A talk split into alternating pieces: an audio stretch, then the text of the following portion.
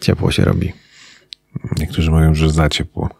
Niektórzy, czyli nasz gość dzisiaj o tym będzie mówił, że się robi za ciepło, no i, i chyba nic dobrego za tym nie idzie. No jak to nic nie idzie? Zacząłeś biegać. Jak zacząłem. Ja już biegam tak długo, że już nie pamiętam kiedy... Po tych, tych maniaków, co, Nie biegałem. co i zimą. Zimą, tak, tak. I to jest też jedna z tych rzeczy, o których będziemy za moment rozmawiać. Kiedyś trzeba było zrobić sobie przerwę taką grudniowo-styczniowo-lutową, bo było zimno, ciemno, lód wszędzie, śnieg po pas, no i biegać się nie dało. Ja sobie- od ładnych paru lat y, da się. Bez Ja sobie problemu. robię przerwę od grudnia do grudnia. To ty na pewno będziesz zadowolony z naszego e, drugiego gościa, bo z nim będziemy rozmawiać o jedzeniu. Czy ja wiem, czy o jedzeniu. Czarny chleb i czarna kawa. Ale jaki chleb? A, no dobrze. Tak, to będziemy z tym gościem o jedzeniu, a ja będę rozmawiał o odchudzaniu, ale nie tym, mm, że tak powiem, dietetyczno-gastronomicznym, ale finansowym. O, No. no, dobra rozmowa na te czasy. Dobra i niosąca ważne informacje e, dla ludzi, którzy mają kredyty. I więcej nie zdradzam. Długa cisza, bo przypomniałeś wszystkim o kredytach. E, Przepraszam, po świętach to bolesny temat, ale e, zapewniam, że bolesny temat, który podpowiada dobre rozwiązania i nie są to rozwiązania typu oszczędzajcie, obywatele. No dobra, posłuchamy, posłuchamy, a póki co wiesz o czym zapomnieliśmy. Że jest odcinek siódmy? Że jest odcinek siódmy i nie przywitaliśmy się. Dobrze. Dzień dobry Państwu, Leszek Waligura. Dzień dobry Państwu, Michał Czajka, zapraszamy. Druga wersja, podcast poznański.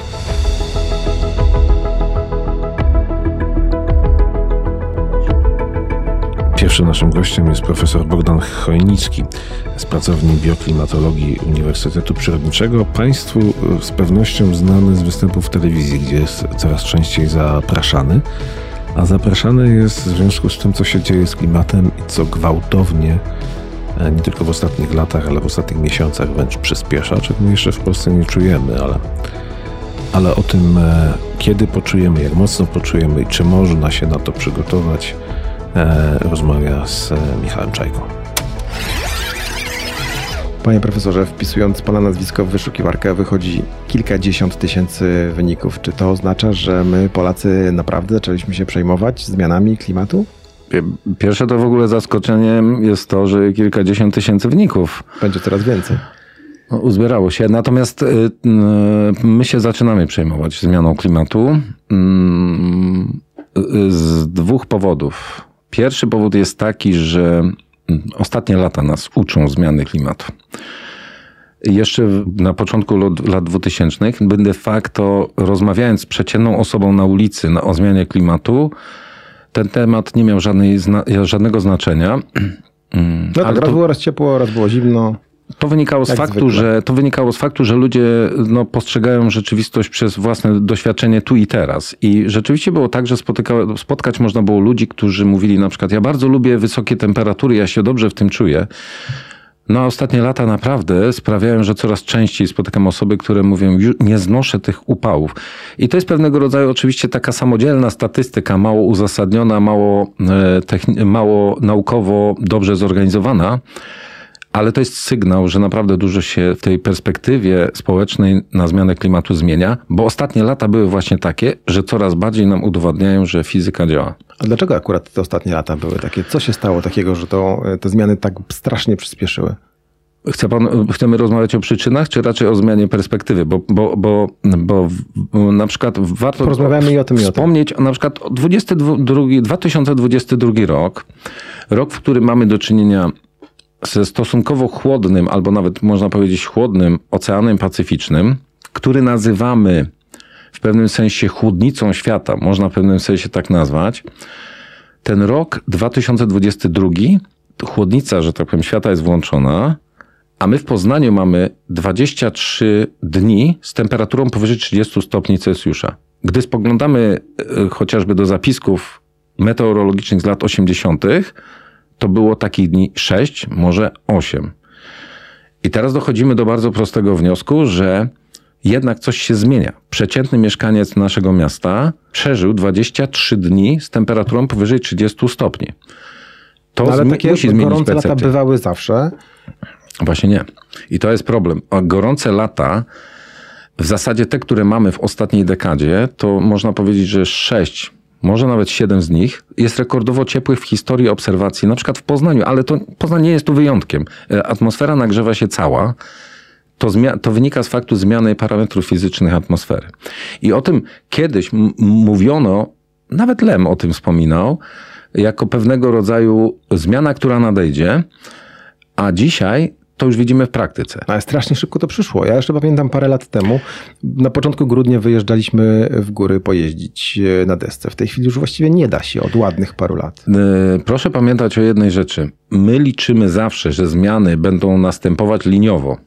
E, natomiast temperatura, ale w ogóle stan energetyczny systemu klimatycznego to jest zależność, która, która może się zmienić w sposób nieliniowy. To oznacza, że nie stopniowo, tylko im, im dalej w proces, tym bardziej gwałtownie. I obym się mylił, ale naprawdę to wygląda na nieliniowy przyrost, co oznacza, że te zdarzenia, one będą narastać. Chciałbym myśleć o procesie jako o procesie liniowym, czyli o takim stopniowym przyroście. Jest, jest chłodno, będzie cieplej. Gotowaniu powolutku. żaby. Gotowaniu żaby. Natomiast no, to wygląda niestety na takie przyspieszenie. Wrzucenie i, żaby i do wrzątku. Tak, mniej więcej można to, to, w ten sposób opisać i my to zaczynamy zauważać. Społeczeństwo, gdyby, gdyby zmieniać tą temperaturę stopniowo, by tego nie zauważyło. Tak sądzę. A czy w Polsce poważnie się dyskutuje o zmianach klimatu? Czy są jakieś gremia, czy komisje, większe grupy ludzi, którzy, które dyskutują o tym, jak zapobiec temu, co się dzieje? Przygotować nas na to? Nie. Nie. Generalnie, gdy rozmawiamy o, mm, o zmianie klimatu, to poważnie tylko dyskutują ci, którzy mogą na tym stracić. E, nie wiem, ktoś, kto jest na przykład właścicielem firmy usługowej nad jeziorem, a jezioro nam zanika, to ta osoba będzie o zmianie klimatu dość poważnie dyskutować, ale w kontekście lokalnym. Natomiast gdy mówimy o takim globalnym, o takiej, o takim na przykład wielkoskalowej dyskusji w poważny sposób na temat zmiany klimatu, ja, ja, ja wciąż tego nie widzę. To Mi przygnębiające. Y, jest, taki, jest cały czas taka atmosfera wyczekiwania, na co? Mm, na to.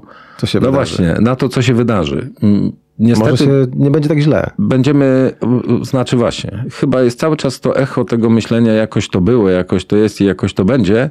Ono cały czas jest w nas. To jest też takie naturalne, ludzkie, że yy, gdy ktoś mówi, nadchodzi duża zmiana, no to w naturalny sposób czekamy, żeby te, te symptomy pierwszej zmiany zobaczyć i być może wtedy zareagować. Y, ja się obawiam, że nie będziemy mieli czasu później, ale z drugiej strony taka jest natura ludzka, wyczekujemy. Na świat nie czeka, świat już coś tam robi. Y, świat nie czeka, świat zmienia standardy i to, to będzie kolejny problem, który nas dotyczy, jeżeli chodzi o zmianę klimatu. Bardzo poważny problem, że każdy dzień postoju to tak naprawdę nie, nie, nie zatrzymanie, a cofnięcie się, bo, bo wszystko wokół się zmienia. Co powinniśmy zrobić w takim razie? Powołać sztab taki antykryzysowy? Jakby on mógł wyglądać? No, sztab znaczy sztabami to się właśnie takie rzeczy rozwiązuje, typu powołujemy sztab kryzysowy. Moim zdaniem odblokowanie mm, pewnego innego, mniej zachowawczego sposobu myślenia. No dobrze, ale jak to odblokować? No bo to też nie może być tak, że to się wydarzy w jeden dzień. Mi się wydaje, że zaczę zacząć trzeba od tego, że trzeba uwierzyć, że zmienia nam się klimat. Ale wierzymy chyba. Czy jeszcze nie? To zależy, zależy kto. zależy kto. Po drugie, że zmiana klimatu to z jednej strony kosztowna, kosztowny proces dla gospodarki, z drugiej strony szansa na zmianę. To w ogóle, to, to jest w ogóle niezwykle rzadkie, rzadka opinia w Polsce, a na zewnątrz bardzo powszechna, że zmiana klimatu dostosowanie się do zmiany klimatu, przeciwdziałanie zmianie klimatu, to jest szansa na nowe otwarcie szansa rzeczywistości. Dokładnie. To jest ten taki dowód, naprawdę, jak już mówimy, trochę zeszliśmy na tematy może polityczne, to to jak mm, e, prezydent Biden przejmuje władzę i na drugi dzień odblokowuje e, porozumienie paryskie e, w Stanach Zjednoczonych. Bo on widzi szansę na stworzenie nowych standardów. Jak Unia Europejska na przykład wywiera presję na to, żeby budować elektryczne samochody, to mm, u nas w większości, w, że tak powiem, w naszym, e, w naszym kraju jest to opisywane jako napad na wolność, niezależność, cokolwiek, e, każde możliwe warianty mm, argumentacji możemy znaleźć. Natomiast tak naprawdę to jest próba już znalezienia się w nowej rzeczywistości, która nadchodzi. Dlatego panu powiedziałem odblokowanie pewnego innego sposobu myślenia, bo my de facto jesteśmy cały czas w takim przekonaniu, że wystarczy się, że tak powiem, zaprzeć i w zasadzie nic się nie stanie. No, no niestety. No właśnie, nie. w Polsce rządzi prawica, to szczególnie właśnie politycy prawicy mówią, że no, są różne opinie na temat e, zmian klimatu. Są różne opinie? Czy już nie ma Znaczy, znaczy tak, w dyskusji zawsze można użyć argumentu, że są różne opinie, natomiast fizyka jest jedna i to jest problem. A czy fizyka... naukowcy w takim razie mają w tej chwili rozbieżne opinie co do zmian klimatu i kierunku, w jakim idziemy, czy już nie mają? Nie, nie, to znaczy nawet tak co bym powiedział konserwatyści głębocy, oni nie mogą mm, ignorować faktów, bo jeżeli na przykład mamy statystykę, jak ktoś jest naukowcem, nie może. Znaczy, może to robić, y, że tak powiem, na prywatne cele, natomiast nie może ignorować faktów, bo, no bo to będzie wyparcie się w ogóle idy, i y, badań naukowych, które są z definicji zorientowane na fakty. I tych faktów jest po prostu za dużo. One niestety pokrywają się z przewidywaniami i tu trzeba z respektem z respektem do tych przewidywań podejść, bo one po prostu zgadzają się z tym, co widzimy za oknem.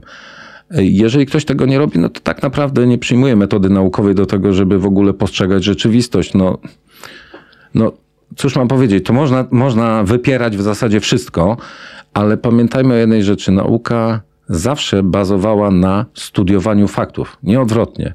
Nie y, studiowaniu teorii, którą, którą, do której fakty mają się dostosować, tylko studiowaniu faktów, do której się dostosowuje teorię.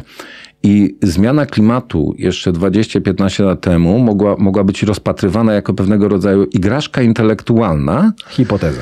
Jakaś taka hipoteza. Natomiast dzisiaj chociażby ten nasz Poznań, doświadczający coraz większej ilości fal upałów, no to już jest żywy dowód na to, że to po prostu ten mechanizm fizyczny zaczął działać, bo fizyka działa. Czyli nie ma już naukowców takich, którzy mówią, że nie ma zmian klimatu. E, znaczy, że, że już e, jeżeli byśmy mieli szukać naukowców, którzy zaprzeczają, to nie tyle zmianie klimatu, bo tego się nie da, nie da się jakby zignorować, a już pewnie teraz linia obrony albo linia e, jakaś defensywna gdzieś będzie znajdowała się w przestrzeni, która mówi co jest przyczyną zmiany klimatu, co nie, co też jest dość, dość słabą linią obrony, ale no powiedzmy, że można, sobie, można, można o tym w pewnym sensie dyskutować.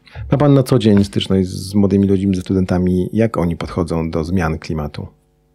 To jest ciekawa perspektywa, to jest ciekawe pytanie, bo generalnie trzeba powiedzieć, że młodzi ludzie są wychowani w innych warunkach, w innych uwarunkowaniach takich społecznych, i muszę powiedzieć, że zmiana klimatu młodych ludzi interesuje. Niektórzy rzeczywiście, jeżeli. A przejmują się tym? Y, są tacy, którzy się bardzo przejmują, i to jest bardzo dobry objaw, bym powiedział, bo to jest też w pewnym sensie osoba, która jest pewnym przykładem dobrego obywatela, który w pewnym sensie myśli nie tylko o tym, żeby się dobrze wieczorem czy tam w weekend zabawić natomiast e, trzeba też powiedzieć, że wśród młodych ludzi się upowszechniają różne praktyki, które są zbieżne z takimi postulatami ochrony klimatu. To jest bardzo ciekawe. Młodzi ludzie są o wiele częściej wegetarianami, o wiele częściej używają rowerów, publicznej komunikacji i muszę powiedzieć, że nie robią tego z żadnego przymusu, tylko po prostu zwyczajnie widzą w tym jakiś, widzą w tym sens, ale też widzą jakby możliwość innego sposobu realizowania swojego, swojej rzeczywistości. Dlaczego o tym mówię?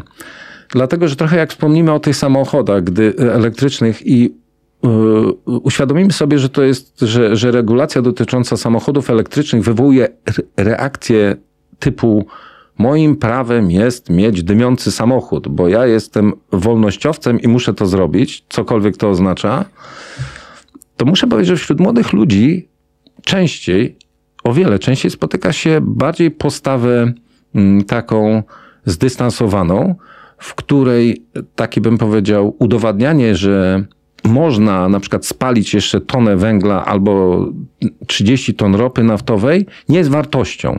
I w tym, patrząc z tej perspektywy, ja widzę młodych ludzi naprawdę w taki dobry, dobry sposób. Oczywiście na to pokolenie można narzekać w inny, z innych powodów, ale na pewno jest tak, że, że to nie jest taki... Że myślę o klimacie. To są I myślę, że jak oni zaczną rządzić, to, mm, to wszystko się zmieni wokół nas, polityka nasza dotycząca środowiska. Ma pan myśli, żeby, no bo na, na myśli czekanie jeszcze 30 lat, tak?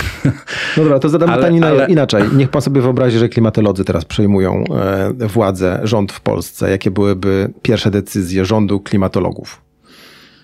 Mm, e to jest ciekawe pytanie. Klimatolodzy się do rządzenia z definicji, znaczy z rzadka nadają pewnie, ale gdybyśmy w ten sposób, gdyby, gdybyśmy w ten sposób spojrzeli na rzeczywistość, to pierwsze na pewno klimatolodzy, weźmy to w jakiś taki cudzysłów, na pewno by odpuścili bardziej przyrodzie. Chyba by była sytuacja, w której byśmy jednak yy, mniej inwazyjnie podchodzili do przyrody. Yy, na dzisiaj paradygmatem jest to, że w zasadzie przyroda jest przyroda, naprawdę środowisko jest pewnego rodzaju plasteliną, którą, która, jeżeli, nie ma na, jeżeli tam nie ma napisu na tej plastelinie pomnik przyrody, to de facto można ją kształtować na obraz i podobieństwo tego, co na desce kreślarskiej. Myślę, że osoby, które mm, zajmują się, ale też i klimatem, i ochroną środowiska, na pewno by, by zaproponowały i wdrożyły przynajmniej pół kroku wstecz, żebyśmy nie byli tacy inwazyjni. Mm, to nie jest do niczego potrzebne, a to jest tylko, że tak powiem, karmienie pewnej kultury y, kształtowania rzeczywistości, ale to jest do niczego niepotrzebne. I wracamy do młodych ludzi, którzy w, dokładnie wpisują się w tą kulturę, niekoniecznie takiej silnej presji na otoczenie. Myślałem, że jednak pan zrobi tutaj listę nam 10 e, punktów, które wprowadzają klimatolodzy, według których mamy żyć, żeby nam było łatwiej w przyszłości, a właściwie naszym dzieciom, ale moim zdaniem, na razie odpuszczamy przyrodzie. Moim zdaniem, moim zdaniem yy, my powinniśmy zacząć od rzeczy bardzo ogólnych, żeby świat dla ludzi, którzy, yy, którzy w pewnym sensie odbierają tą, yy, tą wizję, był dla nich zrozumiały. To często widać takie błędy, bym powiedział, klasyczne, komunikacyjne, gdy na przykład wprowadza się ciekawą rzecz, chociażby to, tą propozycję nie, nie rejestrowania elektrycznych samochodów. Spalinowych. E, przepraszam, spalinowych e, od 2035 roku. Natomiast nie, nie, nie, nie idzie za tym wytłumaczenie, do czego ma to służyć. I w ten I nie sposób. Idzie na przykład postawienie stacji ładowania samochodów elektrycznych w mojej dzielnicy. E, nie idzie też za tym e, wytłumaczenie, że konwersja energetyczna odbywa się w przemyśle i prędzej czy później naprawdę większość źródeł energii, chociażby w Europie, będzie zielona. I wtedy samochody spalinowe, na przykład za 20 lat, będą pasować jak pięć do oka do tej rzeczywistości. One, jak, gdy dziś postawimy obok siebie dwa samochody elektryczny i spalinowy, to gdy ma chociaż ktoś troszkę y, rozumie, co przed nim stoi, to uświadomi sobie, że spalinowy jest po prostu zwyczajnie już czymś, co przechodzi do historii. Natomiast jest pewnego rodzaju taką na przykład bryczką dwukonną y, z przeszłości, tylko ludzie jeszcze tego nie widzą. I ciężko w to uwierzyć. I ciężko w to uwierzyć, a co ciekawe, znajdują od razu jest taki naturalny odruch, że znajdują w tym swój, y, swoją przekonanie o tym, że samochód to jest objaw pewnego konserwatyzmu.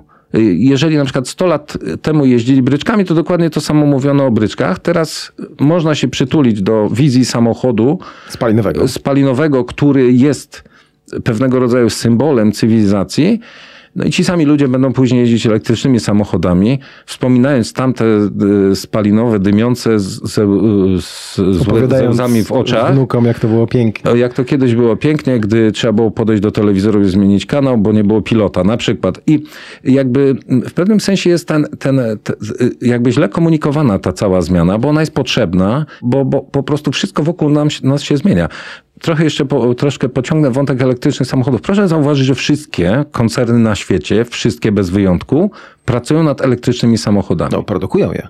No, produkują i pracują nad nimi. Nawet Polska. I czyli, y, y, aha, no właśnie. Podobno. Podobno. E, ale teraz, jeżeli już rozmawiamy, to proszę zauważyć, że wszystkie koncerny to robią. A na przykład y, istnieje całkiem powszechne i poważne przekonanie, że to nie ma sensu. No to wszyscy nagle się mylą, ale jest taka grupa ludzi, nawiasem mówiąc, w kraju, który nie produkuje aut własnych, która wie lepiej. Przyrodzie generalnie trzeba odpuścić i jej nie eksploatować. W to się wpisuje ochrona zmiany, ochrona klimatu, ale też inne rzeczy, które są niezwykle ważne, no szczególnie w kontekście na przykład życia w mieście. Właśnie a propos miasta chciałem pana zapytać, jak musimy się, jak mamy się przygotowywać na to, co się dzieje z klimatem? Czy miasta muszą się zmieniać? Statystyka dla, dla miast i to w zasadzie na całym globie to tak. Więcej fal ciepła i to w Poznaniu widzimy. Innymi słowy, każdy wybetonowany plac będzie y, na, ter- będzie na pewno atrakcyjny z perspektywy transportu, bo będzie można tam rowerem spokojnie przyjechać. Będzie nawet, y, y, bym powiedział, przestrzennie niezabudowany na przykład przez drzewa, więc będę widział, co się na nim dzieje. No w pewnym sensie może poczucie bezpieczeństwa jakoś tam generować. Natomiast za każdym razem, gdy fala upału przyjdzie, szczególnie ta nocna, pamiętajmy o nocach tropikalnych, których też coraz więcej w Polsce, czyli wtedy, kiedy temperatura nie spada poniżej 20 stopni i za każdym razem im starsi, tym bardziej będziemy odczuwać, że jest to naprawdę poważny problem. Następna rzecz dla, dla zmiany klimatu to oczywiście gwałtowne zjawiska pogodowe. Nad miastami, szczególnie w takich warunkach wilgotnego, ciepłego powietrza, pada intensywniej. Trzeba się liczyć z tym, że cały system przechwytywania wody to system, w którym, e, w którym e, może nam, e, gdy odpowiednio nie zadziała, nie mówię odprowadzania wody, tylko przechwytywania wody, jak nie, odpowiednio nie zadziała, to rzeczywiście mamy, mamy problem w mieście i z tym się trzeba liczyć. Jak sobie połączymy chociażby te dwa elementy, to zobaczymy, że tak naprawdę w mieście po prostu, które nie będzie odpowiednio przygotowane do zmiany klimatu, będzie się po prostu coraz ciężej żyć. Musimy rozkuwać beton, tak? Robić zbiorniki retencyjne.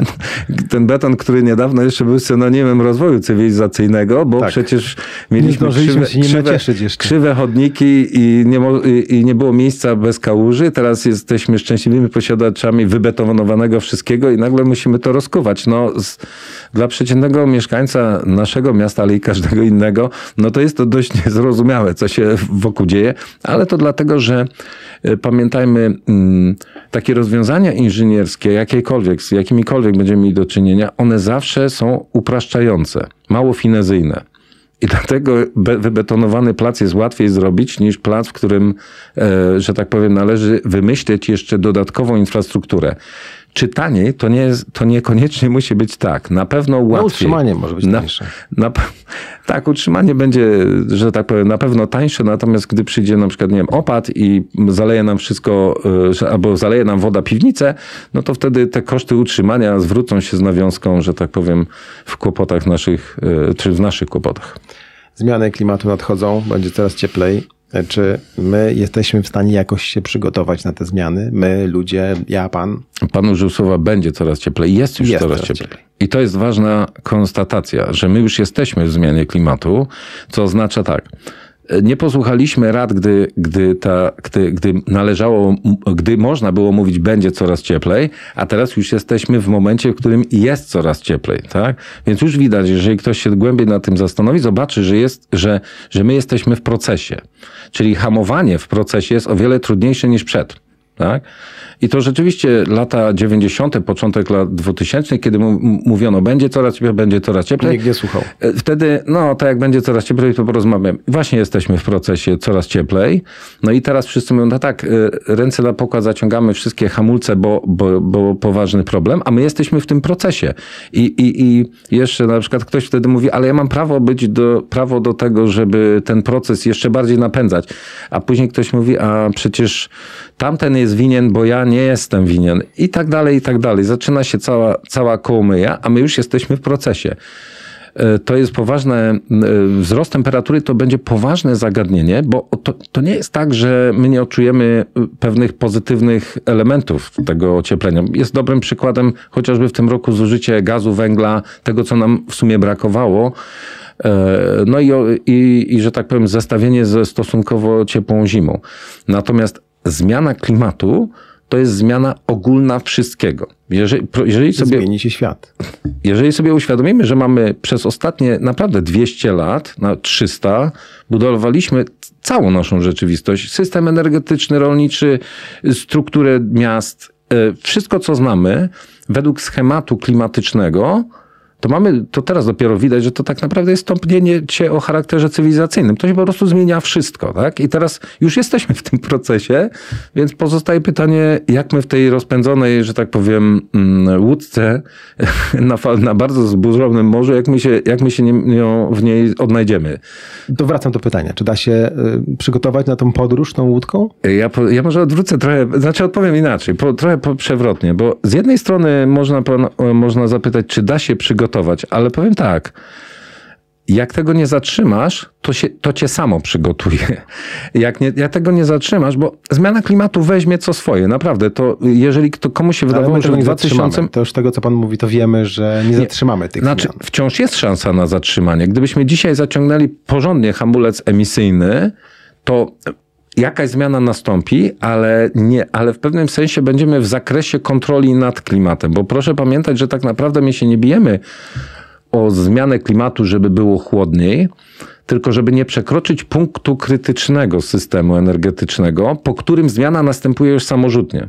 Tak naprawdę ten, ten, to półtora stopnia, a w niektórych przypadkach można powiedzieć dwa stopnie, to jest taki próg planetarny, poza który, jak wyjdziemy, rzeczywistość zacznie zmieniać się sama. Dlatego panu odpowiedziałem, że wcale... No, przestaniemy tak... mieć jakikolwiek wpływ już na to wszystko, znaczy, tak? Będziemy mieli taki wpływ, że będziemy mogli parę rzeczy po, porobić, ale de facto rzeczywistość zacznie nam się zmieniać samorzutnie, bo uruchomione zostaną sprzężenia zwrotne, które będą wzmacniać ten, ten cały układ. To ile mamy czasu? No, y, y, mówi pan y, w kontekście ilości do tych, czasu. Do tego progu, kiedy ta kula śnieżna To jest chyba gdzieś 2040, 2045 maksymalnie, żeby i ten, ten próg przekroczymy. To znaczy ciekawe jest to, znaczy, to jest ciekawe, gdybyśmy policzyli w przeliczeniu na emisję w Polsce, jak to się ma, to my próg ten z 2040 przekroczyliśmy, przekroczymy w 2027, gdy przeliczymy nasze oddziaływanie na atmosferę.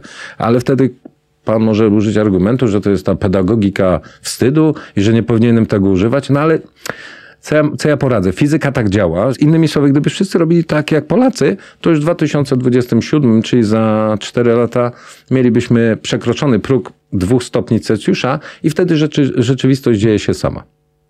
I kula śnieżna zaczyna się toczyć. Sama, naprawdę. I to ciekawe jest to, że nie ma powrotu, bo my de facto mieliśmy przez ostatnie e, setki lat setki tysięcy lat, taką sytuację, że na, na kuli ziemskiej było trochę cieplej, trochę chłodniej. Trochę cieplej, trochę chłodniej. Pamiętamy ze szkoły glacjały, interglacjały, e, całą tą historię o tym, jak kształtowany był chociażby krajobraz po, poprzez e, czapy lodowe na północy i tak dalej. Natomiast przekroczenie tej wartości 1,5-2 stopnie Celsjusza, już mówię 2 stopnie z pewnym odkładem bezpieczeństwa, to jest przejście do innej, innej ziemi, do ziemi cieplarni. I to, to będzie zupełnie inny świat. I, i on, on się potoczy w taki sposób, że usta, ustali nowe warunki życia. I y, czy my się w tym odnajdziemy? No będziemy musieli.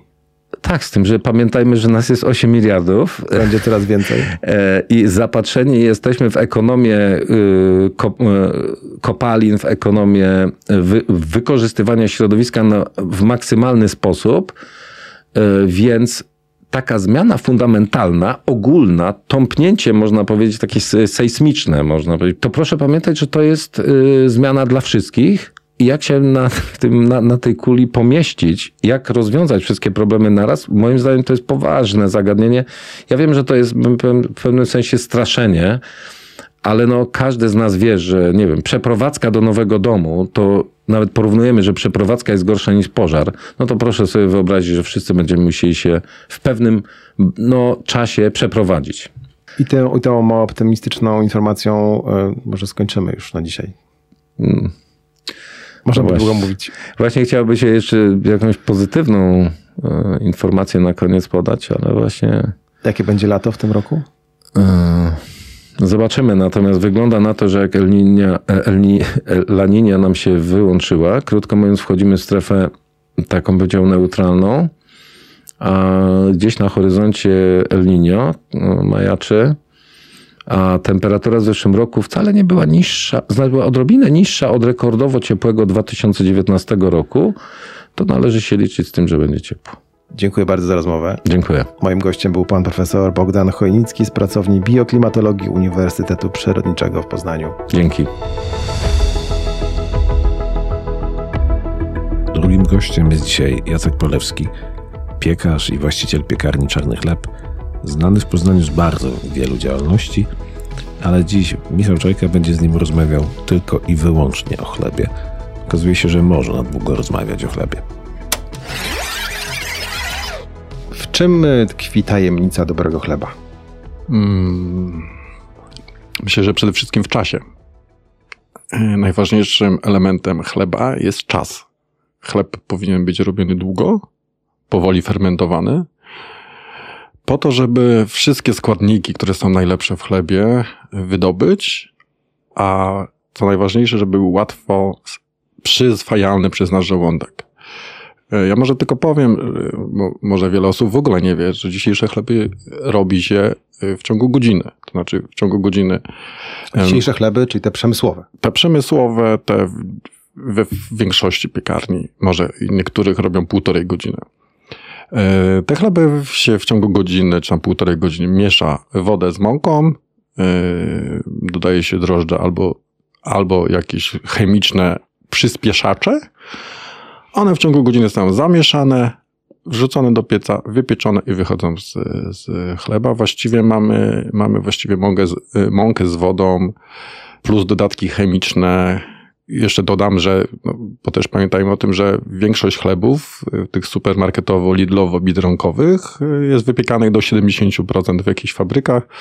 Przyjeżdża w lodówkach do, do tych podpiekarni supermarketowych i tam pani wrzuca na 15 minut y, y, te pół, pół wypieczone chleby, no i one się podpiekają. I mamy po... ciepły, pyszny, pachnący chleb wtedy. Mm, tak, mamy nie pyszny, ale mamy pachnący.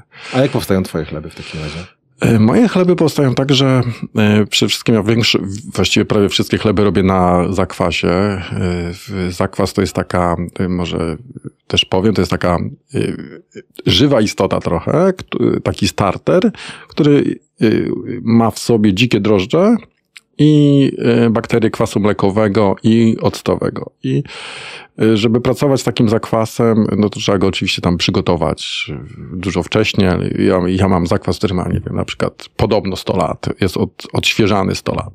A co znaczy odświeżany? Karmiony. Tak, to jest, bo... Czy odlewasz trochę, potem dolewasz? Tak. Gdzieś tam stuletnie jakieś bakteryjki tam są? Y, pokolenia. Y, y, pamiętające tamten czas, ale trzeba pamiętać, że zakwas to jest jak istota, to znaczy to jest jak dziecko. Trzeba je po prostu trzy razy w ciągu dnia karmić. Ja karmię trzy razy dziennie, każdy zakwas. Dzięki temu on po prostu ma cały czas co jeść. I to jest taka żywa istota. No i ja część tego zakwasu dokładam, łączę wodę, mąkę, no i też sól, no i te chleby rosną w dzieżach przez kilka, kilka godzin, później są oczywiście składane i później powoli rosną. Moje chleby rosną od 10 do 24 godzin. Czyli dzisiejszy chleb jest. Jutrzejszy chleb już jest zamieszany, leży teraz w dzieży, jest godzina 11 czy 12, więc już sobie leży w dzieży. Ja za chwilę jadę do piekarni, będę go formował, i on będzie sobie powolutku, powolutku rósł i dopiero rano będzie wypieczony. Trwa to bardzo długo, no i y, chodzi o to, żeby y, po pierwsze te wszystkie trudne y, elementy mąki, które są ciężko strawne dla nas, przetworzyć, żeby były łatwiej strawne. To najprostsze porównanie jest takie jak jogurt i mleko. Jogurt jest ciągle mlekiem. Nic nie dodajemy do tego jogurtu. On jest przefermentowany. I wtedy łatwiej jest przyswajalny. To, co się ma zadziać w żołądkach, zadziewa się wcześniej. przed. Tak. W czym chleb na zakwasie jest lepszy od tego na drożdżach? No, przede wszystkim w czasie. To znaczy, on po prostu długo, długo fermentuje, tam się otwierają różne smaki i zapachy, których jakby w, w, w, przy, przy szybkiej fermentacji nie da się tego, jakby nie da się tego zrobić. Nawet właściwie to nie jest fermentacja, bo wystarczy do droży dodać trochę cukrów i one generują CO2 i wtedy ten chleb rośnie i tworzą się, tak, i wtedy piekarz sprzedaje nie chleb, tylko powietrze, bo czym większe dziury, tym więcej powietrza można sprzedać. A my mamy takie, e, mamy taki z pradawnych czasów automat, że jak coś jest większe, to nam się wydaje, że to jest, że mamy więcej. Wystarczy pudełko zrobić większe i, i, ludzie kupują, nie? I tak samo jest z chlebem. Czy większy chleb nam się wydaje, że, że mamy go więcej? A to nieprawda.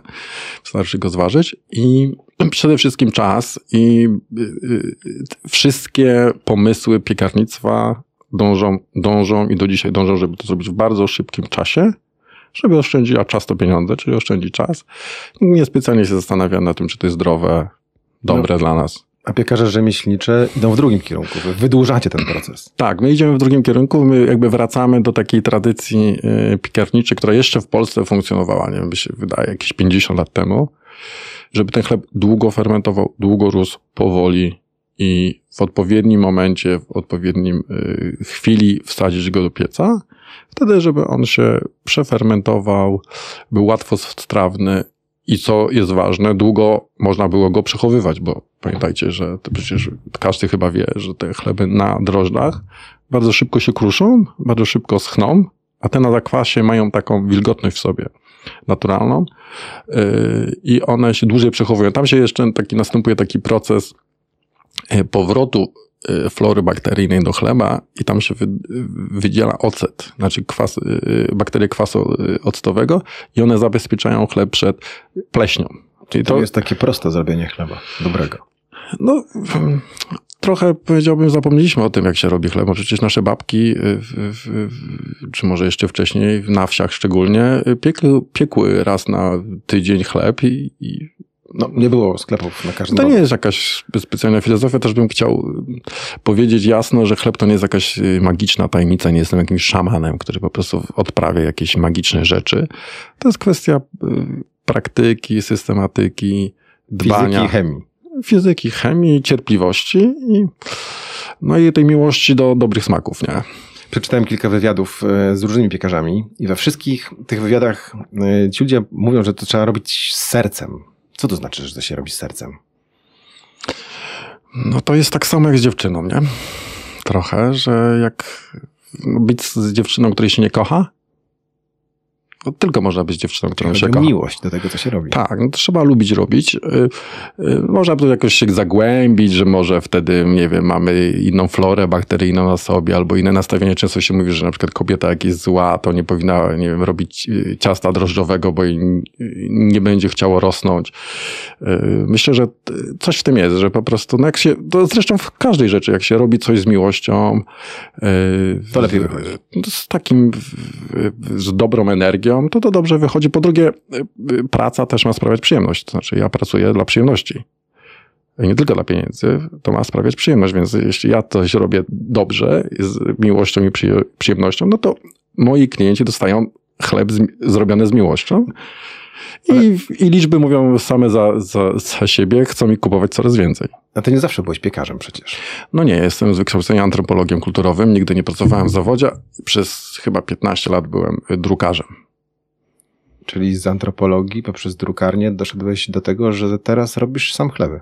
Tak, tak. Nagle mi się. I to, to co Dostałem kochasz? sygnał od, y, nie wiem, od Pana Boga, że powinienem się zająć czymś innym, y, czymś bardziej ludzkim, y, bo chleby mają tą swoją magię, że, że ja robię ten chleb i już za chwilę spotkam klienta, który po prostu go będzie jadł i on chce ten chleb. Ja mam bardzo bliski kontakt, to troszeczkę idzie w kontrze do tego, y, tego świata wirtualnego, nie? w którym po prostu coś robimy i nie wiemy, co, do kogo to trafia. A tu ja wiem. U ciebie na stronie na Facebooku jest przepis na, na chleb. Może nie przepis, ale opis, w którym Napisałeś, że do tego, żeby zrobić chleb, potrzebna jest mąka, dobre bakterie, woda, sól, energia i ogień. I ten ogień jest napisany dużą literą. To jest literówka, czy tak miało być? No tam wszystko jest dużą literą chyba. Ogień tylko. No te wszystkie elementy muszą się pojawić. Ogień to jest, y, to jest piec. To jest piec, w którym po prostu wkładamy chleb, y, y, który rośnie, jeszcze nam trochę podrasta w tym piecu i wtedy go jakby zamykamy, tworzymy. To jest takie troszeczkę e, symboliczne, takie rodzi się dziecko. Stosujesz mąkę z różnych dziwnych ziaren, takich, z których, o których pewno niewiele z nas słyszało. Samopsza, krzyca, płaskórka, orkisz, no gdzieś tam się, się pojawia. Dlaczego? No, filozofia robienia moich chlebów polega na tym, że chcę zrobić chleb z danej odmiany, na przykład pszenicy albo bo orkisz, samopsza, płaskórka, to są odmiany pszenic starych, archaicznych, żeby wyciągnąć smak. My trochę e, zapomnieliśmy, że na przykład jabłko smakuje, różne odmiany smakują w różny sposób. I różne pszenice też smakują inaczej. Dokładnie. I ja y, koncentruję się na tym, żeby robić chleby pod daną odmianę pszenicy. One się bardzo różnią i to smakowo czuć wyraźnie. Wyglądają też inaczej, inaczej, inaczej rosną. To są takie jakby inne gatunki trochę. I moim celem jest to, żeby wrócić do tych smaków, bo, no bo powiedzmy sobie szczerze, pszenica to jest taki no, prymitywny smak. No bardzo taki no, Powszechny. kiepski. No, to tam, tam, tam się nic nie dzieje, zwłaszcza w białej pszenicy. Jeśli wrócimy do pszenicy, na przykład tej pszenicy zwyczajnej, do z jakichś starych odmian, ja na przykład mam kilka takich odmian, no to ten chleb jest inny, inaczej smakuje. I to i jest różnica między orkiszem a pszenicą w smaku. Ja to czuję. Więc, więc trochę to y, moja droga jest też taka, żeby przywrócić y, smak y, różnym mąkom, różnym pszenicom, żeby ludzie poczuli różnicę i żeby chcieli jeść różne chleby z różnych mąk. I chcą? No oczywiście, że tak. Bardzo, bo no, to jest bardzo nietypowe bo ja, y, to nie jest tak, że ja sobie pojadę do makro albo do sklepu i sobie kupię, bo y, takich mąk po prostu nie ma, zwłaszcza, że ja jeszcze mam bio mąki, więc mam wszystkie, wszystkie moje zboża i wszystkie mąki są certyfikowane. Więc y, żeby być piekarzem, ja też jestem takim troszeczkę podróżnikiem między piekarnią a, a polem. Znaczy muszę się spotkać z rolnikami, muszę się z nimi umówić, muszę to u nich kupić, muszę później przywieźć do siebie do piekarni i zmienić, bo ja mam też młyn w piekarni. Żarnowe. Kupujesz, mm, kupujesz ziarno. Kupuję ziarno i sam je mielę na żarnach tuż przed zrobieniem chleba, więc, więc y, y, trochę jakby wydłużam y, te relacje, no bo no chleb skąd jest? No jest ze, z, ze mąki, jest mo, no ze sklepu, nie, tak, mleko jest z Biedronki, nie, taki żarcik, nie, ale tak naprawdę jeśli cofniemy w tym łańcuchu dostaw, no to na końcu jest pole, nie, na, na końcu jest rolnik, który uprawia i teraz, i teraz yy, yy, ja bardzo dbam o to, żeby utrzymywać kontakt z nimi i patrzeć im na ręce i patrzeć, jak wyglądają te gospodarstwa, na jakich polach rosną, na jakich klasach ziem rosną czy jakie jest nasłonecznienie, czy to jest na południu, czy na północy. To są wszystko ważne jak rzeczy. z winem trochę. Troszeczkę jest jak wino. Ja nie znam się na winach, ale jak czasami słyszę takie historie, że ktoś wie, że w 2010 roku to wino powstało e, na jakimś stoku gdzieś na południu Francji, to myślę, że ja idę w takim kierunku, że będę wiedział, kiedy i w którym roku wyrosła dana pszenica i, i, i na jakim polu. I ja myślałem, że to jest nieprawda, ale ale te odmiany już mi pokazują, że te chleby się różnią, że te zboża się różnią, że te smaki są inne i nawet różnią się w dany sezonie. Jeszcze nie jestem na tym poziomie takim mistrzowskim. Jaka jest różnica między e, mąką taką świeżo zmieloną, z której robi się chleba, taką, która sobie poleżała mm, w sklepie na półce? No tak jak między świeżą kawą, a która leży na półce e, trzy miesiące.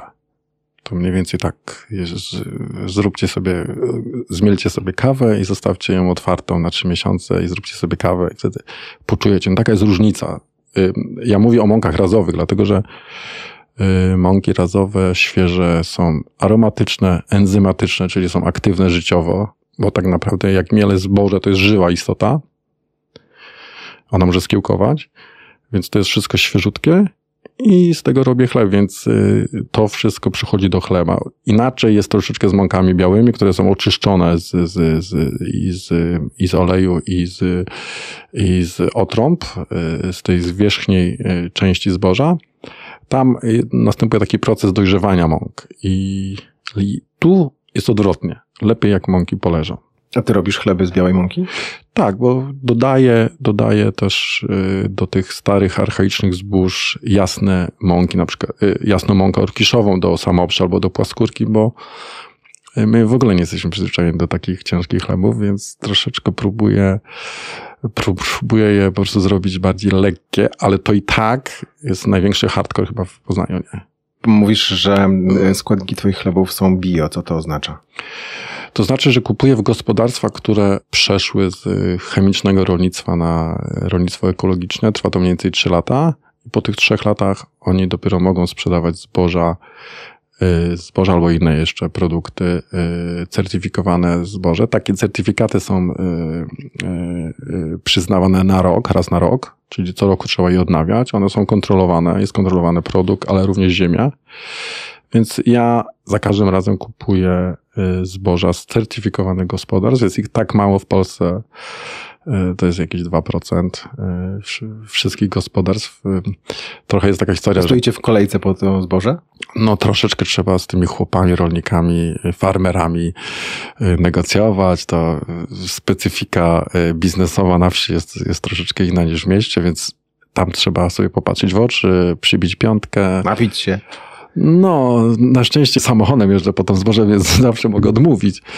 Ale, ale tak to wygląda, nie? że to wchodzimy w te takie relacje. No zresztą jest taki trochę nurt w, w taki gastroświatowym, żeby, żeby restauracje, piekarnie utrzymywały kontakt z polem, nie? z rolnikiem, z farmerem, żeby wiedzieć, co jest uprawiane, jak jest uprawiane, kto to jest. Bo tutaj nie ma żadnej anonimowości. Ja mogę każdy chleb pokazać tobie i powiedzieć tobie, skąd jest mąka. Nie masz pośredników. Nie, to nawet chodzi na podstawie tego certyfikatu, mogę to stwierdzić. Bo tutaj nie ma anonimowości. Wszystko można sprawdzić. Czy twoje chleby są drogie? Tak, bardzo drogie. No bo ja poświęcam bardzo dużo czasu, bardzo dużo uwagi i uważam, że chleb powinien być drogi. Znaczy, dobry chleb musi być drogi, lepiej kupić sobie jeden, yy, jeść go przez tydzień albo przez dwa tygodnie, niż kupować byle co. Y, jeść go może mniej i ten chleb musi być drogi, no bo koszty pracy, czasu y, no, są dość wysokie. Ile kosztuje chleb u ciebie? No minimum 15 zł. Za bochenek? Tak, za bochenek. Do 22 chyba. I masz Już kolejki u siebie? No mam wszystkie chleby sprzedane, większość chlebów jest zapisane na list, y, jest taka lista, pamiętacie, w kiedyś dawnych w sklepach były takie... Chleby na zapisy. Chleby na zapisy i był taki zeszyt, pani otwierała ołówek i zapisywała trzy bochenki, to u mnie ja wróciłem do tej tradycji i mniej więcej połowę chlebów jest zapisane, zaplanowane. Na, y, ludzie planują sobie odbiór chleba za tydzień. I nic nie zostaje u ciebie w punktach. Nic nie zostaje. A jeśli coś zostaje, to sprzedaje z jakimś takim rabatem 33% i ludzie też chętnie kupują. Y, to, co jest też ciekawe, ja, ja nie mam klientów, którzy by powiedzieli, że ten chleb jest stary. Oni mówią, ale to ma tylko dwa dni. No tak jest, to znaczy, że oni wiedzą, że już ten chleb kupiony. Nie musi być świeży po prostu. Nie tak? musi być świeży, nawet jest zdrowszy taki chleb. Starszy. Nie? No bo jeśli kupimy ten chleb w supermarkecie, no to wszyscy wiemy o tym, że za chwilę, za chwilę ten chleb to będzie taka skamielina, którą można się rzucać i, i tego się nie da jeść. W Polsce mm, od jakiegoś czasu piekarnie upadają. Co chwilę słychać o jakimś przedsiębiorcy, który musiał zamknąć firmę. Ty się rozwijasz, mimo że masz drogie chleby. Jak no bo dzieje? jest taka sytuacja, że są bardzo wielkie piekarnie i te średnie, i te średnie małe upadają. Dlatego, że te średnie małe nie zrozumiały, że zmienia się świat i y, marżowość na poziomie 5% y, no jest możliwa do utrzymania, jeśli jest koniunktura, ale jeśli koniunktura się kończy, to takie piekarnie się zwijają. No, jeśli piecze się coś od 30 lat w ten sam sposób i, yy, i piecze się na mąkach chemicznych, albo nawet już się nie piecze na mąkę, przepraszam, na kompozytach, czyli na mieszankach. Jest mieszanka. Gotowych. Gotowych mieszankach dolewa się tylko wodę no to y, klient y, ma wybór między Lidlem a tą piekarnią, a w Lidlu jest o pół o złotówkę taniej, no to pójdzie do, do Lidla, bo ma to samo. I jeśli, ciepłe. Jeśli piekarnie nie zrozumieją, że jest konieczna asymetria, czyli po prostu musimy zrobić coś innego niż jest w supermarketach, to oczywiście będziemy jakąś małą niszę, ale ta nisza nam pozwoli po prostu funkcjonować i, i, i, i piec chleb. Nie da się konkurować z takimi wielkimi fabrykami. Czyli tą niszą właśnie jest sprzedawanie chlebów takich jak twoje. Tak. Y, ekologicznych, rzemieślniczych, ręcznie robionych, na zakwasach, y, długo fermentowanych. Z obsługą i z, też z taką informacją, że piekarnia wie, co sprzedaje i wie, skąd jest mąka. No proszę iść do y, pierwszego lepszego supermarketu i spytać się pani, która jest operatorem wyświetlacza z, z jakimś tam zdjęciem bułki, skąd jest mąka tak czy inaczej, musiałeś podnieść ostatnio ceny swojego chleba. Czy ty widzisz to, że w Polsce jest taka wysoka inflacja po tym, ile chlebów sprzedajesz, czy jednak jakość tutaj się broni? Mm, e, no ja sobie uświadomiłem, że u mnie głównie e, działa marka. Marka i to, że ludzie ufają, że ja robię ich chleb i jeśli coś czasami mi nie wyjdzie, to ja e, potrafię to naprawić albo zmienić. I yy, wydaje mi się, że zaufanie, to, co, czy mogę się pochwalić, to udało mi się wychować ludzi, którzy szanują pracę rzemieślniczą i tak naprawdę nikt nie ma ludzi, że to kosztuje złotówkę więcej bo wie, ile to jest pracy y, włożone, ile energii, ile y, takiej atencji, też myślenia trochę do przodu. Zawsze y, bardzo łatwo to sprawdzić. Można sobie samemu taki chleb zrobić. Trochę niestety te supermarketowe jedzenie i chleby trochę nas nauczyły, że to jest tak strasznie tanio. Ale nikt sobie nie zadaje pytania, dlaczego jest tak tanio. Jest tak tanio, bo jest zrobione tak byle jak i tak źle, że dzięki temu oszczędza się na czasie, e, oszczędza się na zdrowiu, no i mamy tani produkt. Pytanie, czy zdrowie to jest inwestycja, czy nie? Stać nas, przy, przepraszam, że powiem, ale stać nas, nie, obserwuję takie, stać nas na samochody za 300 tysięcy, na domy na, za milion. Mam trochę takich ludzi, obserwuję, że ale na chleb to ja nie wydam 15 zł. Jasne, a powiedz, no i zawsze można kupić u ciebie e, chleb, tak? Na co zwracać uwagę, idąc do sklepu? Jak e, rozpoznać dobry chleb? No przede wszystkim chodzić tylko wyłącznie do tych małych e, rzemieślniczych piekarni i przede wszystkim pytać, jak długo jest, e, jak długo jest, jest fermentacja, bo to jest najważniejsza informacja i warto też zwracać uwagę no, skład przede wszystkim. Tylko no niestety piekarnie też nas oszukują, dlatego że mąki współczesne już mają enzymy, tak zwane stabilizatory różne w mące i oni nie muszą o tym mówić.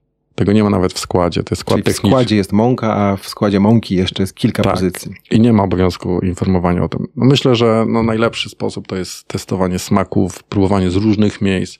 Ja polecam kupić sobie jeden chleb, nawet na spółę z kimś nam. I sprawdzić, jak powinien smakować chleb. Jak powinien smakować chleb i wtedy mieć punkt odniesienia. Nie? Albo też jeszcze lepiej samemu upiec. To jest też świetny pomysł. U ciebie można kupić mąkę? U mnie można kupić mąkę, rozdaję zakwas za darmo, mam trzy zakwasy, y, mam żytni, gryczany i orkiszowy. Y, mogę ten zakwas dać za darmo, daję za darmo, więc można samo spróbować. I jak się uda, to wtedy się nigdy nie pójdzie więcej do bidla. Tym kończymy. Czyli co, zapraszamy y, do, do Twoich punktów po mąkę i po zakwasy za tak, darmo? Tak. Tak, oczywiście, że za darmo. Moim gościem był Jacek Polewski, antropolog kultury, kiedyś y, także poligraf, a dzisiaj właściciel piekarni Czarny Chleb, która ma kilka punktów w Poznaniu. Szukajcie Jacka i jego chlebów na Facebooku. No to tyle. Życzymy co? Smacznego. Smacznego i na zdrowie. I ostatnia dzisiaj rozmowa z doktorem Arturem Iglińskim. Rozmowa specyficzna, e, bo nie dotyczy teoretycznie większości Polaków, tylko 100 tysięcy kredytobiorców, którzy mają ciągle kredyty we frankach, którzy e, utknęli w pułapce. Zarzuca się im, że na własne życzenia. Tu prawnik, specjalista od e, procesów frankowych opowiada, dlaczego to jest pułapka, którą zastawiły banki i dlaczego można i wygrywa się w sądach. Jak to przebiega, e, że to wcale nie jest takie skomplikowane wbrew pozorom i że jednak prawo stoi po stronie kredytobiorców. Zapraszam. Panie mecenasie, jakiś czas temu wszyscy właściciele kredytów e, frankowych, ale nie tylko, narobili sobie dużo nadziei po tym, jak rzecznik CUE wydał opinię dotyczącą kredytów właśnie we frankach. E, czy Pana zdaniem e, Frankowicze powinni czekać, aż CUE ostatecznie zajmie się sprawą i wyda werdykt ich sprawie, czy, czy nie? To ja bym odpowiedział i tak, i nie. Tysiące Frankowiczów nie czekały. I między innymi dlatego CUE zajął się właśnie tym tematem i w tym kontekście e, została wydana opinia Rzecznika Generalnego, no bo taka brzmi, e, taka jest pełna nazwa tego organu, doradczego wobec CUE. Nie czekały i co robiły? I co robiły? Wnosiły pozwy e, w sprawach swoich roszczeń z umów frankowych do sądów w skali całej Polski. Jakie jest ryzyko wygranej albo przegranej? To zdecydowanie bym powiedział o szansach wygranej 90 kilka procent. Już od kilku lat. Czyli Mniej więcej od roku 2020, tak, o takich procentach można mówić. Zaraz przejdziemy do tego. Pan się bardzo dobrze przygotował e, do mówienia o e, umowach frankowych. Zaraz dojdziemy do tego, w jakich przypadkach można wygrać, co trzeba w tej umowie mieć, żeby wygrać. Natomiast kiedy się przegrywa przed sądem? Jest jakiś wspólny mianownik dla tych, którzy, dla tych kilku procent, które nie wygrywają z bankami? Myślę, że to jest trudna odpowiedź. Dlaczego? Chyba nie byłbym w stanie kreślić jakiegoś jednego scenariusza, e, bo powodów jest kilka. Jednym z nich i jednym z punktów zaczepienia odpowiedzi na pozwy banków jest kwestia statusu konsumenta. Czy osoby biorące kredyt miały ten status, czy też nie miały? I banki chwytają się wszystkiego, przede wszystkim dokumentów okołokredytowych, bo zanim zawarto umowę kredytu, to najpierw trzeba było wystąpić do banku z wnioskiem. To najczęściej się działo mm, na przestrzeni miesiąca, dwóch, mhm. mniej więcej przed wzięciem kredytu. Wielu kredytobiorców zupełnie nie pamięta już faktu składania właśnie tych wniosków kredytowych, natomiast one były, do nich była załączona odpowiednia dokumentacja. Na bazie tej dokumentacji analitycy w banku e, podejmowali decyzję o przyznaniu bądź nieprzyznaniu kredytu i do tych dokumentów sięgają banki lub też do dokumentów aktualnych, sprawdzając na przykład w Centralnej Ewidencji Działalności Gospodarczej, czy dany kredytobiorca, a banki dysponują kompletem danych tych kredytobiorców, więc no, nie tylko nazwiskami, imionami, prowadził działalność gospodarczą? Jeśli tak, to w jakich latach, w jakiej okay. branży i pod jakim adresem? Bo teraz właśnie to banki wykorzystują, wskazując na przykład, że pan Kowalski wziął kredyt na budowę domu pod określonym adresem, a na przykład kilka lat później, po wybudowaniu tego domu, pod tym adresem otworzył działalność gospodarczą. I bo jeżeli... gdzieś musiał mhm. ją zarejestrować. No tak, ale chodzi o kredyt na własne potrzeby, a jak prowadzi tak. tam działalność, to już jest firma, tak?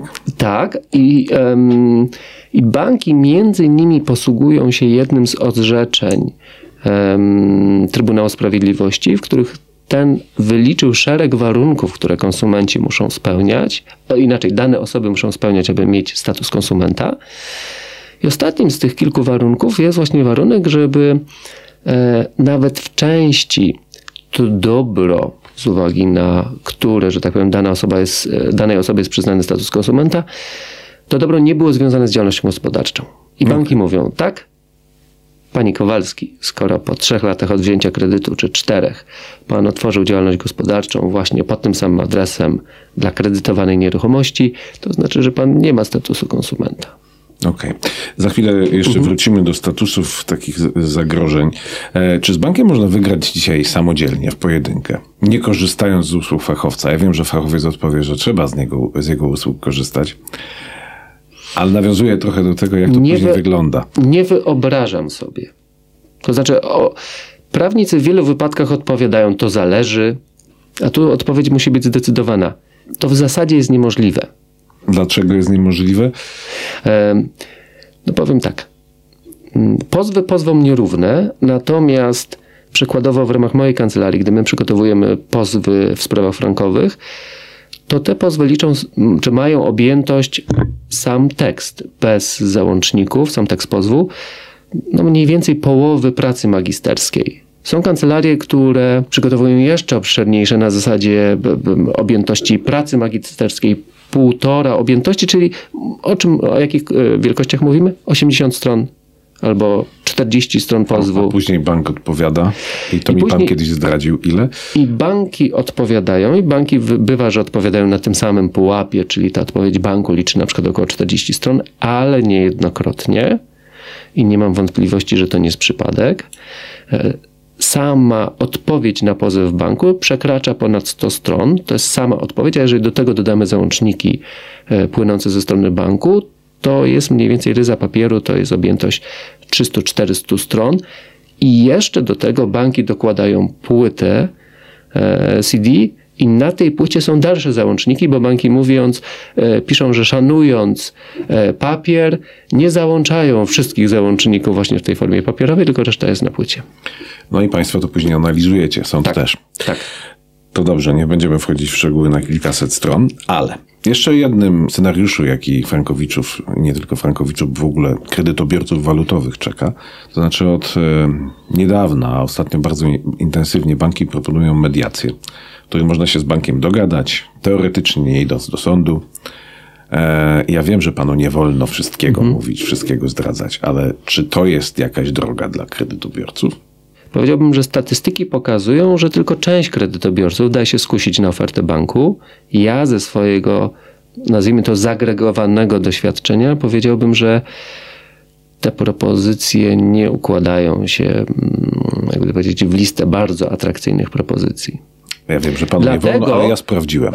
Dlatego powiem tak, e, no nieprzypadkowo moi klienci w znaczącej mierze decydują się na pozwy, a nie na mediację. No to teraz Przechodzimy do sedna sprawy. Tak. W przypadku mediacji dogadujemy się z bankiem, że oddamy część pieniędzy w złotówkach po, i tutaj pojawiają się szczegóły, czyli po jakimś kursie, niekoniecznie tak nieatrakcyjnym jak obecny kurs e, złotówki do franka, ale też nie bardzo atrakcyjny w stosunku do możliwej wygranej w sądzie, bo w sądzie się e, walczy z reguły o jedną z dwóch rzeczy: albo o tak zwane odfrankowienie umowy, albo o jej unieważnienie wręcz. Mhm.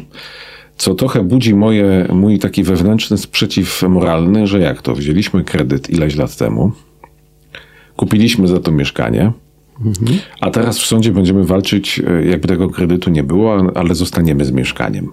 Niezły interes. I teraz tutaj wkracza pan i tłumaczy pan, o co chodzi z tym e, unieważnieniem umowy kredytowej. Dlaczego te umowy według sądów często są nieważne? To znaczy, ja bym powiedział tak, nie tylko według polskich sądów, ale przede wszystkim, e, albo również może tak, według Trybunału Sprawiedliwości Unii Europejskiej. Te umowy są nieważne, dlatego że były zawierane z konsumentami, dlatego podkreślałem wcześniej ten istotny status konsumenta, który się bada, czy, czy powodowie, czy powód ma go, czy też nie posiada tego statusu. Druga rzecz. W tych umowach w grę wchodzą tak zwane klauzule abuzywne, czyli tłumacząc to z polskiego na nasze, klauzule niedopuszczalne. Klauzule, które rażąco naruszają interes e, konsumenta i które na, rażąco naruszają, tu wchodzimy w kwestię nieco szerszą, obowiązek lojalności. Bo można by powiedzieć, że przy każdej umowie, nie tylko z bankiem, czymś najbardziej podstawowym powinien być obowiązek, za, obowiązek zachowania minimum, podkreślam, minimum lojalności wobec drugiej strony. Przez bank również. Przez bank również. I sądy stwierdzają, bank tego minimum nie dopełnił. I niezależnie polega? od kwestii pewnych fragmentów umowy, które powodują, że nieważna jest cała umowa, um, sądy stwierdzają, to, to niedopełnienie tego minimum jest tak rażące, że musimy unieważnić całą umowę. Przykład. Na czym to polega? Może tylko powiem tak. Gdzie są te klauzule? Otóż te klauzule są w umowach, te niedozwolone, e, samych kredytowych, albo w regulaminach. Ten fragment, który ja, do którego ja się za chwilę odniosę, ten akurat zawarty jest e, w regulaminie, bo każdej umowie bankowej towarzyszy zawsze co najmniej jeden regulamin. O, przykładowo. Banki, mówię przykładowo, dlatego że te klauzule są niesłychanie podobne w rozmaitych umowach różnych banków czy regulaminach tych banków. I przykładowo bank zawarł takie postanowienie. W przypadku kredytu w walucie obcej, czyli na przykład we frankach, kwota raty spłaty, raty kredytu, obliczana jest według kursu sprzedaży dewiz obowiązującym w banku na podstawie obowiązującej w banku tabeli kursu walut obcych z dnia spłaty. I teraz problem polega na tym. Musi pan to przetłumaczyć. Tak, że e, kredytobiorca spłacając e, ratę musiał się odnieść do pewnego przelicznika. Ten przelicznik był zawarty w tabeli kursów walut obcych.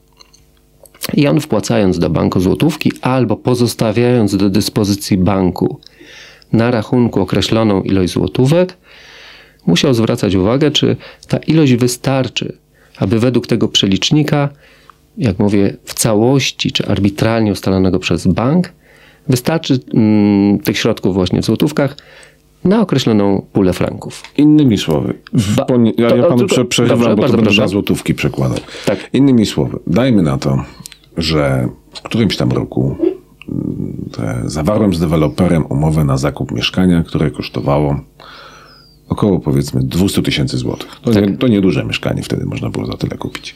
200 tysięcy złotych, wszedłem do banku, mówiłem, że potrzebuję 200 tysięcy złotych, bo można było wtedy brać na 100%, e, nawet 100% plus, bo jeszcze można było mieć pieniądze na wykończenie tego mieszkania, ale załóżmy, że te 200 tysięcy chcę pożyczyć. E, I bank proponuje umowę frankową, przelicza, tak już z głowy będę liczył, około powiedzmy lat 2006-2008 frank kosztował troszkę powyżej 2 zł, czyli powiedzmy 80 tysięcy franków e, bank mówi, że pożyczy. Które są w dniu zawarcia umowy warte 200 tysięcy złotych. Tak. Ale w dniu wypłaty może się okazać, że to 80 tysięcy franków jest warte 190 tysięcy i nie starcza mi na zakup e, mieszkania. Albo, że jest warte 210 tysięcy złotych, tak? Tak, ale tu jeszcze chodzi o coś innego. Bo problem polegał na tym, i dlatego mówimy o tym o minimum niedopełnienia obowiązku lojalności, że bank sam ustalał wskaźnik tego kursu, ten przelicznik, i nic go tu w sensie prawnym nie ograniczało. Czyli Ba- mógł być sufitu. Mógł być sufitu. Banki bronią się w odpowiedziach na pozwy frankowiczów w tym, że mówią zaraz, zaraz, ale my nie działamy na pustyni. My działamy w otoczeniu innych banków. My nie możemy tego kursu realnie wziąć z sufitu. My musimy się kierować em, tym, co ustala Narodowy Bank Polski, co ustalają banki e, konkurencyjne i wreszcie te tabele kursu służą rozmaitym celom, a nie tylko spłatą kredytów. Ale problem polega na tym, że my nie mówimy o tym, co banki mogłyby czy nie mogłyby zrobić w sensie czysto faktycznym, tylko my mówimy, co one mogły w sensie prawnym. Bo, no bo temu tłumaczeniu banku można postawić e, ładny kontrargument. Drogi banku, jeżeli twierdzisz, że i tak nie mógłbyś skorzystać z tego kursu wziętego z sufitu, to po co wpisałeś sobie do umowy taką możliwość? Bo mógł. Właśnie. To bank przygotował taką umowę. Nie narzucił nikt inny tej umowy bankowi. A bank był tutaj po stroną silniejszą. Zdecydowanie. Więc silniejsza strona dała sobie silne prawo, to mało powiedziane. Dało sobie prawo bez ograniczeń. I teraz mówi, ale zaraz, zaraz, ale ja realnie nie mógłbym z tego prawa tak bez ograniczeń skorzystać. Ale my oceniamy tylko umowę w sprawach frankowych. Nie oceniamy faktycznych możliwości banku. Tak sobie próbuję przypomnieć. E, Generalnie związanie się taką umową z bankiem było tyle niebezpieczne, że to wszystkie zmiany banki również e, były w stanie przeprowadzić bez problemu aneksami, w których to aneksach najczęściej widniała taka formułka, nie wiem czy ona jest niezgodna z prawem, że e, kredytobiorca może się nie zgodzić na ten aneks, ale wtedy musi spłacić cały kredyt, dajmy na to tam 30 dni najczęściej było. Czy to też jest niezgodne z prawem, czy... Znaczy, ja bym powiedział w ten sposób. Ja takich postanowień w samym aneksie nie kojarzę. W tych aneksach banki regulowały rozmaite rzeczy, na przykład doubezpieczenie, ewentualnie dodatkowe zabezpieczenie, ale to rzadkość, albo wtedy, kiedy weszła ustawa antyspreadowa w życie, banki regulowały właśnie to inne rozliczenie. Odejście na przykład od, ty, od tego przelicznika typowo arbitralnego, czyli od tych swoich tabel i przechodziły na przykład na kurs średni, e, na który już miał wpływ NBP, a w każdym razie nie tylko one wyłącznie. Jeszcze są jakieś inne klauzule e, niedozwolone, czy, czy to jest główny taki punkt? Ja bym powiedział, to jest ten główny punkt. Te klauzule były w- przy kilku kwestiach. Po pierwsze, bank posługiwał się taką klauzulą co do mm, określenia, w jakiej wysokości on tak naprawdę wypłaci nam kwotę kredytu. Bo bank wypłacał tą kwotę w złotówkach realnie, nie we frankach. Ale ile złotówek wypłaci, zależało tylko od kursu, który bank sam sobie ustalał. I to był jeden kurs. Ale inny kurs, nie ten sam, to był nie to samo kryterium. E, inny kurs bank przyjmował dla uregulowania raty przez kredytobiorcę. Ten bardziej niekorzystny dla kredytobiorcy. Znaczy, między tymi kursami była spora dziura. Problem polegał na tym, i to sądy wytykają, że drogi banku, czy drogie banki, e, drogie to akurat chyba fajnie tutaj pasuje, wy zarabiacie zasadniczo na prowizji, na marży, a ta różnica kursowa zwana spreadem to nie jest coś, na czym wy powinniście dodatkowo zarabiać, bo wy już standardowo zarabiacie na e, przy innych instrumentach finansowych powiązanych z kredytem i wreszcie banki zarabiały na odsetkach. W związku z tym nie potrzeba jeszcze dodatkowego źródła zarobku w postaci tych różnic kursowych i to kursów ustalanych arbitralnie. I do tej tabeli, czy do tych tabel kursowych, tych swoich arbitralnych przeliczników, banki odnosiły się bardzo chętnie, bo nie tylko w kwestii wartości wypłaty kredytów, w kwestii spłaty poszczególnych rat, ale również w kwestii nawet zapłaty prowizji. Też banki odwoływały się do kursów i innych opłat, też do kursów zawartych w swoich tabelach. Okej. Okay. Moglibyśmy te umowy kredytowe analizować długo. Natomiast ja próbuję się trochę stać adwokatem diabła. E, i, po, I powiem tak, no przepraszam, widziały gały, co brały. Mhm. E, kredytobiorca podpisał tą umowę. E, czy ją zrozumiał, to już inna kwestia, ale często podpisywali takie umowy ekonomiści. Ludzie z wykształceniem ekonomicznym. I prawnicy. I prawnicy godzili się na to. To nie jest argument banków e, do obalenia wszelkich pozwów. No, skoro się zgodziłem na taką umowę, mam dobre wykształcenie, no to dlaczego mam ich teraz pozywać jeszcze na dodatek wygrać?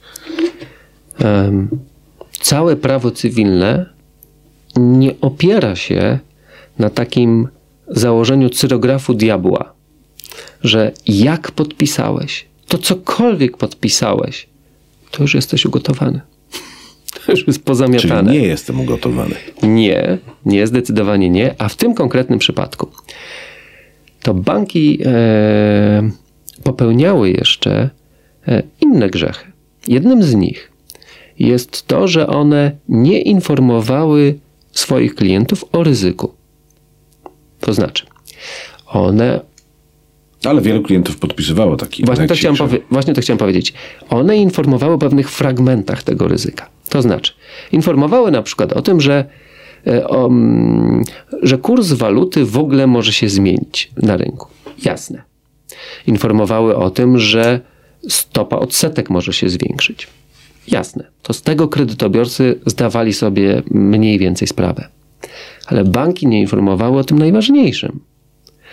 Że one same ustalają kurs i są w tej prawnej możliwości ustalenia kursu, podkreślam, prawnej, niczym nieograniczone. I o tym nie informowały. I moje wykształcenie nie ma tu nic do rzeczy. Dokładnie. To wykształcenie nie, nie jest w stanie pomóc, tym bardziej, że, tak jak mówię, to jest bardzo znaczące, że banki w tym zakresie nie podtykały żadnych oświadczeń.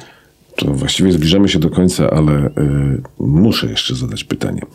Y, banki y, mówią, że owszem, możemy wygrać z nimi, ale straszą kontrpozwami, to znaczy nawet jeżeli umowa zostanie unieważniona, nawet jeżeli bank z tego tytułu będzie nam musiał oddać wszystko, co wpłaciliśmy, a my bankowi ewentualnie w złotówkach kwotę, jaką braliśmy, to mogą nas jeszcze pozwać o y, tak zwane odsetki za korzystanie z kapitału.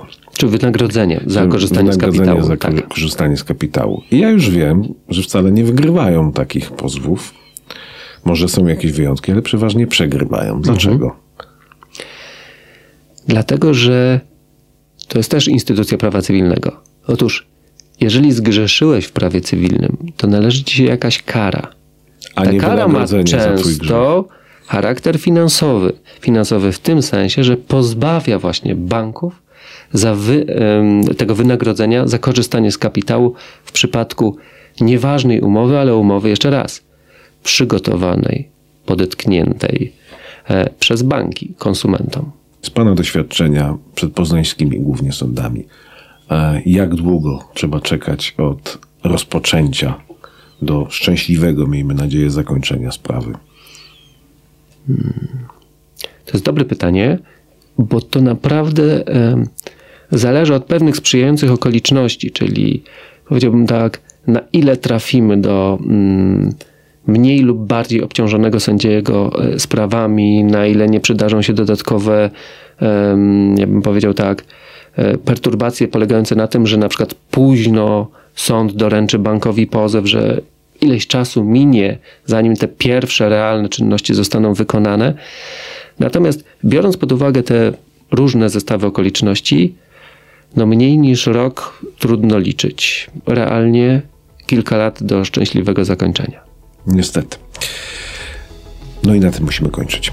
Dziękuję bardzo. Dziękuję bardzo. Zapraszam Państwa po więcej.